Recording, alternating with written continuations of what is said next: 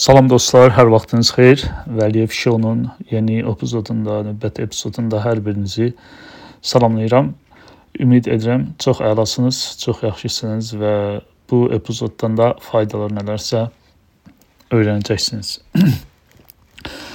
bu epizodun ə, başlığı ə, maraqlı gələ bilər. Bəlkə də düşünə bilərsiniz ki, bu həyat haqqında mənfi bir yanaşmadır, neqativ bir e, yanaşmadır. Amma yəqin ki, bu adı niyə seçdiyimi və həmçinin e, bunu dəstəkləyən digər e, səbəbləri də sizinlə paylaşdıqdan sonra bəlkə tam ol, bəlkə tam, bəlkə də müəyyən qədər haqq verəcəksiniz. e, bir uzun müddət əvvəl bir kitabda oxumuşdum, səhv eləmirəmsə. Hansı kitab və ya müəllif sözü deyən insan ə, e, kim olduğu yadımda deyil, amma söz o vaxtdan yadımda qalıbdı. O da belədir ki, qarşılaşdığımız hər bir insan ya, ya bir böhranın tam ortasındadır, ya lap yaxında, yəni çox yaxında yenicə bir böhrandan çıxıb, ya da ən yaxın zamanda həyatında bir böhran baş verəcəkdir. Ə, yəni bu fikir elə həyat bir boks maçına e, son randa olmayan bir boks boks maçına e,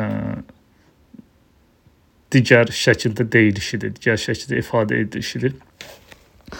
E, yəni ki, boks maçı deyəndə təbii təbii ki, tam eyni deyil. Yəni ki, ə, davamlı davamlı mübarizə deyil. Bəzən olur ki, yaxşı günlər olur, xoşbəxt günlər olur uğurlar əldə edirik. Bəzən heç çox çalışmadan, əziyyət çəkmədən də zəfərlər qazanırıq. Onun dadını çıxarırıq, əylənirik və s.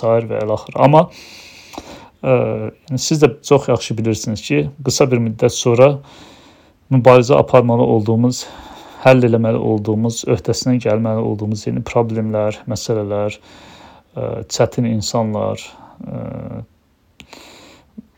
böyük əngəllər qarşımıza çıxır bu bunlar olmasın, ə, həyat daha asan olsun, daha belə ahəngli bir şəkildə axıb getsin və biz də bir-bir arzularımıza çataq. Belə bir arzunun olması yəqin ki, hər birimizdə var, hər insanda var, amma bu belə bir arzunun olması real olsa da bu olacaq bir şey deyil.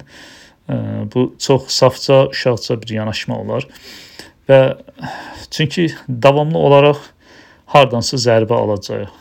Yəni bundan qaçış yoxdur. Bəs nə edə bilərik? Yəni daha doğrusu əgər bunlardan qaçmağa çalışsaq və mən necə edim ki, həyatım asan olsun, daha doğrusu həyatımda bu zərbələr olmasın.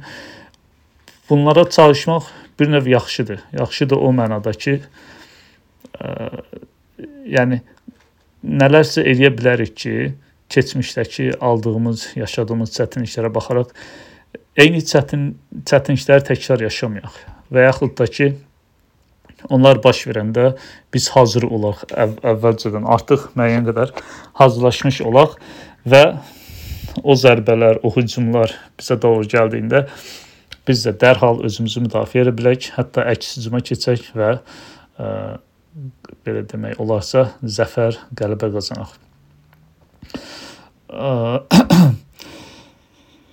Təbii ki, bütün bunlarla yanaşı özümüzdə yaşadığımız problemlərə, əngəllərə baxıb tam hansısa üzərində bir iş işlədiyimiz bir iş, onun üçün mübarizə atdığımız, apardığımız bir xəyal tam reallaşacaqkən, tam onu əldə edəcəkkən nələrsə olur və bu alınmır. Və biz yenə qayıdırıq ya əvvəldən başlayırıq, bəzən heç artıq ə, tamamilə ona marağımız itir, əl çəkirik və burada niyə bu mənə baş verdi, niyə mən bu zərbəni aldım, niyə bu hadisə başıma gəldi deyə sual soruşmaq ə, normaldır. Amma ki, bu sualı təkrar-təkrar soruşub cavablar tapıb və bir dəfə və artıq cəhd eləməmək və o yolda getməmək isə elə bir haqqımız yoxdur. Əgər ə, fərqli bir həyat istərik, istəriksə. Yəni bu sualı soruşa bilərik, amma bir şərtlə ki, bu sual, bu sualı soruşma məqsədimiz şikayət deyil, öyrənmək olsun, nəticə çıxarmaq olsun və Əsas da ki, zəif nöqtələrimizi etdiyimiz ə, laqeydlik olsun, səhlənkarlıq olsun, diqqətsizlik olsun, onları kəşf etmək olsun ki, gələcəkdə həm bu, həm də buna bənzər zərbələrin, hücumların qarşısını daha məharətlə ala bilək. Bu cür öyrənmə arzusu ilə yanaşlıqda aldığımız zərbələr və yaşadığımız məğlubiyyətlər də nisbətən daha az üzücü və ruhdan salcı olacaqdır. Bu da amansız və bir o qədər də gerçək olan bu oyunda hava, hava və su kimi ehtiyacımız olan əlavə və ciddi bir motivasiyadır və ə, buna da ki, hər birimizin ehtiyacı var. Həyat bizi yerə sərdiyi vaxt, hansı ki, bu çox olacaq, daima xatırlamaq lazımdır ki, bu heç hər şeyin sonu deyil və belə hallar gələcəkdə daha da çox olacaq daha çox bizi yerə sərəcək, daha çox bizi məğlub edəcək, daha ağır zərbələrlə vuracaq.